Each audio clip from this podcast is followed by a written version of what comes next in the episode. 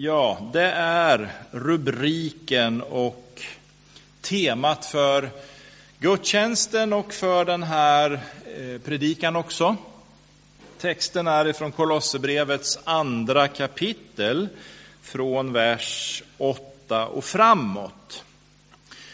Och om man skulle titta på Guds frälsningsplan, så som den framställs i Bibeln, så finns det en bild som kanske tydligare än andra på något sätt hjälper oss att förstå vad det handlar om. Och det är uttåget ur Egypten.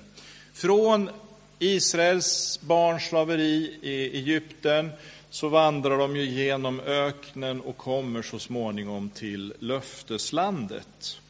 Där finns det många historiskt sanna berättelser, berättelser, blodet på dörrposten innan uttåget. Det vittnar ju om Jesu blod som då blir till vår frälsning. Och sen, vilket är temat för den här predikan, det är ju vandringen genom Röda havet. Det är bilden för dopet. Det följer efter frälsningen och blodet. I Nya testamentet finns det väldigt många texter som tar upp de här frågorna. Ofta hamnar blicken på Paulus och Romarbrevet 6 om man vill ha en lite mer teologisk djupdykning.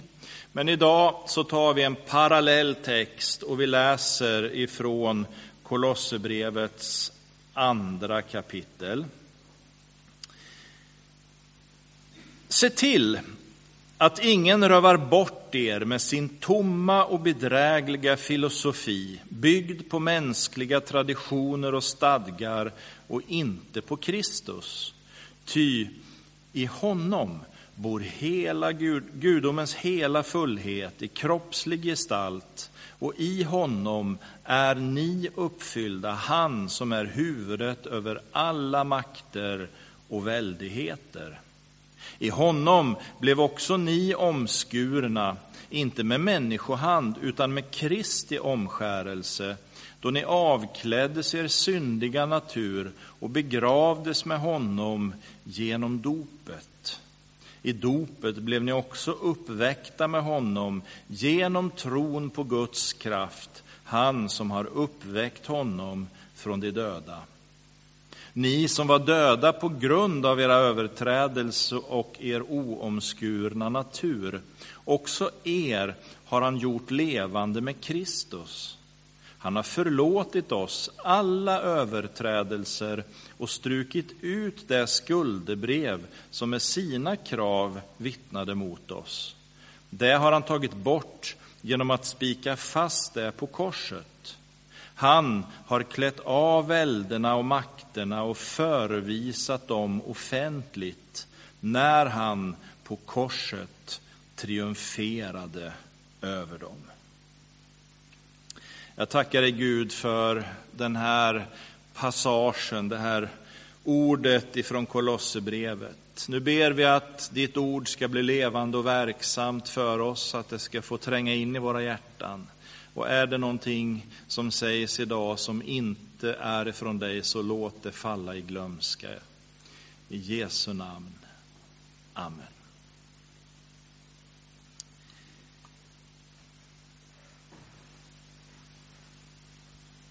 Det är lätt att tro det när man ser det, eh, hur jag ser ut alltså.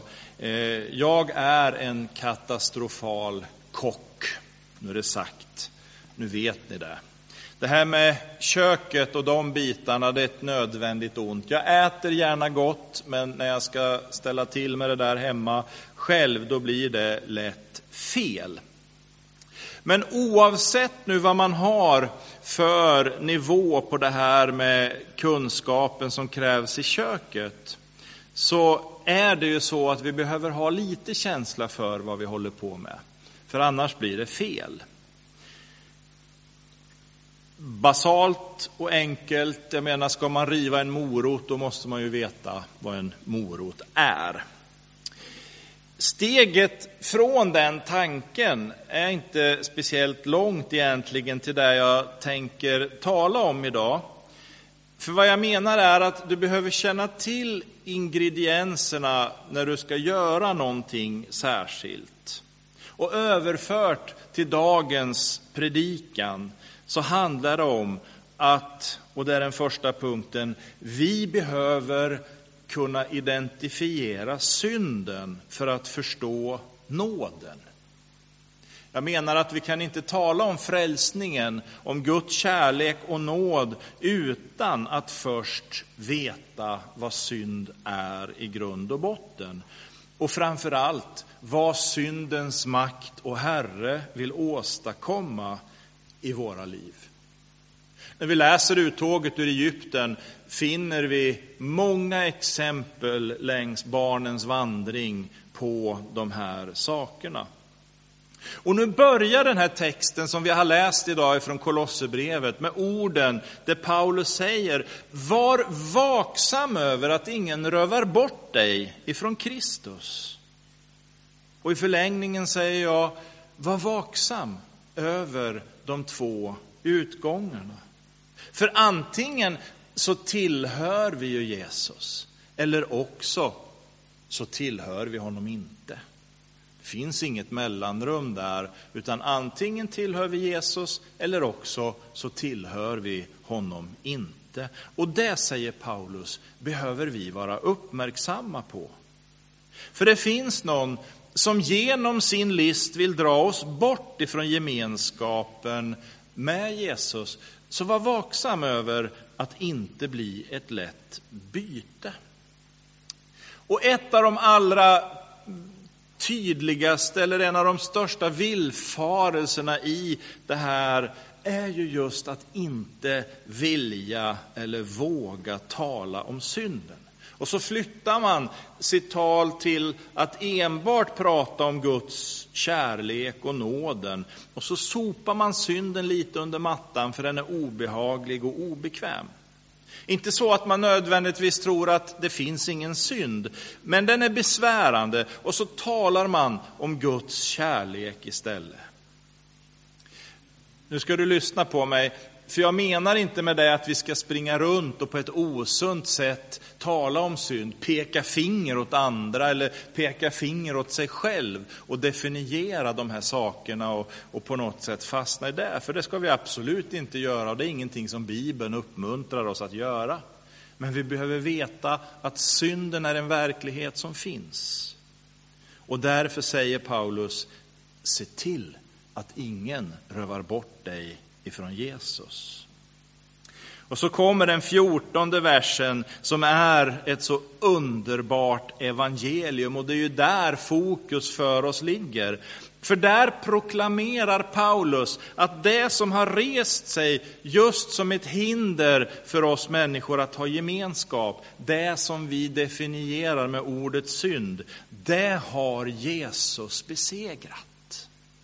Lagen, säger Paulus, den gavs till oss för att vi ska kunna förstå att identifiera synden. Vad som är rätt och vad som är fel. Vad som är Guds vilja och vad som inte är Guds vilja.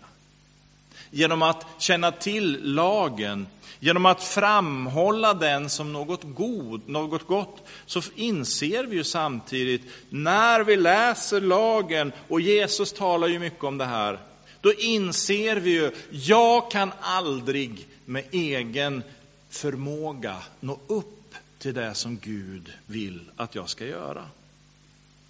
Jag ser lagen, jag förstår att den finns där, men jag inser att den är större än mina möjligheter att rå på den. Och så öppnas ögonen för insikten att i grunden är jag hopplöst förlorad för Gud. Hur vi än försöker att forcera denna ogenträngliga mur så kan vi aldrig nå Gud. Det talar lagen om. Därför är lagen god, säger Paulus, för när jag kommer till den insikten, då förstår jag ju där att jag behöver hjälp. Jag behöver hjälp för att nå Gud. Och så väcks den här viljan till att komma till rätta med den saken. Bo Giertz skriver om det här som i ett bildspråk, eh, som om egna hemsägaren som har köpt sin nya fastighet ska börja ta tag i marken utanför för att kunna bruka den. I början går det väldigt lätt för honom. De här ytliga hindren, småstenar och annat som finns där, eh, det kan man eh, relativt lätt få undan.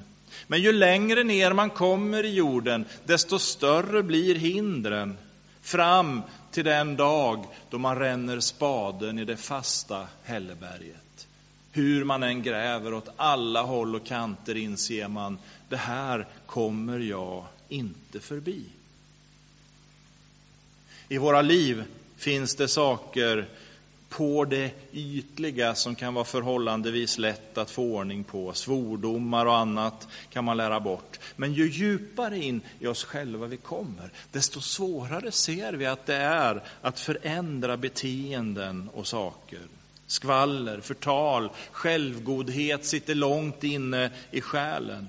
Och så kommer vi till slut till den punkt som kallas för det totala syndafördärvet. Hälleberget som vi omöjligt kan forcera. Där, säger Bo Giertz, har vi två möjligheter. Å ena sidan så kan vi ösa igen allt och så planterar vi vackra blommor av älskvärdhet och egenrättfärdighet i tron att ja, men det här ser ju bra ut. Problemet är ju att på uppståndelsens morgon har det sedan länge vissnat. Inget liv finns kvar och man är evigt förlorad. Nej, säger Bo Giertz, den enda vägen är att förstå det korset ropar ut till oss. Lösningen som ligger i att någon annan tar våra problem och löser dem. Vi ger upp våra egna ambitioner. Vi överlämnar våra liv i tron på Jesus, där han skriver i det som vi har läst. Gud har förlåtit oss alla överträdelser och strukit ut det skuldebrev, alltså lagen, som med sina krav vittnade mot oss. Det har han tagit bort genom att spika det på korset. Det lagen förkunnar är frälsningen i Jesus Kristus. Han levde till hundra procent efter lagens förebild och han övervann hindret som skiljer oss ifrån Gud. Han har fullkomnat lagen. Han har fört den till dess slut. Och det är redan gjort. På pingstdagen predikade Petrus om det här. Han förkunnade för folket att Jesus spikades fast på korset och dödades, men att döden inte var mäktig nog att behålla honom i sitt förvar. För Gud uppväckte Jesus från de döda. I sin makt och härlighet har nu Gud satt Jesus över allting annat och gjort honom både till Herre och Messias. Och utifrån den predikan som Petrus framförde ser vi att folket fick ett styng i sina hjärtan. Förtvivlat frågade de Petrus, vad ska vi nu göra? Vi inser ju, vi kan inte klara det här själva. Och så säger Petrus, det finns bara en väg för den som vill ha gemenskap med Gud. Tro på Jesus, följ honom. Och så säger han i sin predikan, omvänd er och låt er alla döpas i Jesu Kristi namn så att era synder blir förlåtna. Det här behöver vi läsa bokstavligt. Paulus uppmanar människorna att omvända sig, eller Petrus, så att de får sina synder förlåtna. Omvänd er och låt er döpas i Jesu namn. Den synd som hindrar människan från gemenskap med Gud blir i Jesus försonad genom omvändelse och dop. I Kolosserbrevet förtydligar Paulus detta med orden att vi kläs av vår syndiga natur i dopet. Där i dopgraven, säger jag och pekar bakåt, där vi har vår dopgrav, där begraver vi vår syndiga natur tillsammans med Jesus. Och vi tror ju att Gud uppväckte honom på den tredje dagen. Så i tro blir vi också rent konkret uppväckta tillsammans med Jesus när vi lyfts upp ur vattnet. Jesus gav upp andan på korset med orden Det är fullbordat. Han hade levt sitt liv så som Gud ville. Fullkomlig och utan fel blir han oskyldigt avrättad. Förlåten i templet rämnade uppifrån och ända ner. Vägen till det allra heligaste i templet, där Gud finns eller fanns på jorden, den öppnades för oss alla. Dit fick översteprästen bara gå på försoningsdagen och det var ju en bild för det som skulle komma nämligen Jesus som gick, gick dit in en gång för alla. Nu behöver inte det upprepas, för lagen har gjort sitt. När vi nu tror på Jesus, när vi följer honom, så får vi också gå genom döden till livet. Vägen till det eviga livet går genom dopets grav där vår syndiga natur avkläds och vi i tro får uppstå i rättfärdighet tillsammans med Gud. Låt oss be. Jag tackar dig himmelske Fader för denna underbara verklighet. Jag tackar dig för frälsningens budskap det är fullbordat. Du har gjort det, Herre. Förlåten har ämnat. Det finns inget hinder. Vi är förlåtna i dig.